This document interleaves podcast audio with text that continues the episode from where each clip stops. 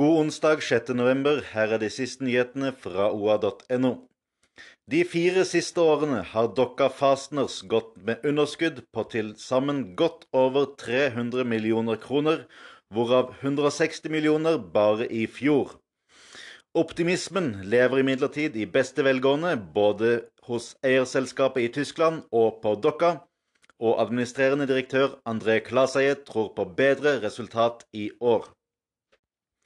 I flere av kryssene på fv. 33 gjennom Gjøvik er kapasiteten sprengt, ifølge et notat fra Statens vegvesen. De anbefaler å legge deler av veien i såkalt miljøkulvert for å lette på trykket, og lettere føre den inn i den planlagte tunnelen på rv. 4. OA kan avsløre at 45-åringen, som er siktet for drap på sin 15 år gamle sønn, har hatt besøk fra et familiemedlem i varetektsfengsel til tross for at han ble ilagt brev- og besøksforbud da han ble fengslet. Familiefaren har erkjent skyld for voldtekt og drapsforsøk på sønnen, og blir henstilt for ny varetektsfengsling torsdag.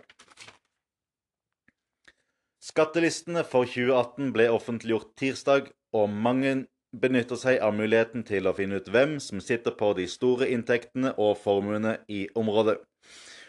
OA har en rekke saker om dette, og du kan bl.a. lese at av 14 nyvalgte ordførere i vårt distrikt, er det bare én som nå går ned i lønn, sammenlignet med i fjor. Les dette og mye mer på oa.no, og følg med for de siste og viktigste nyhetene fra Vest-Oppland.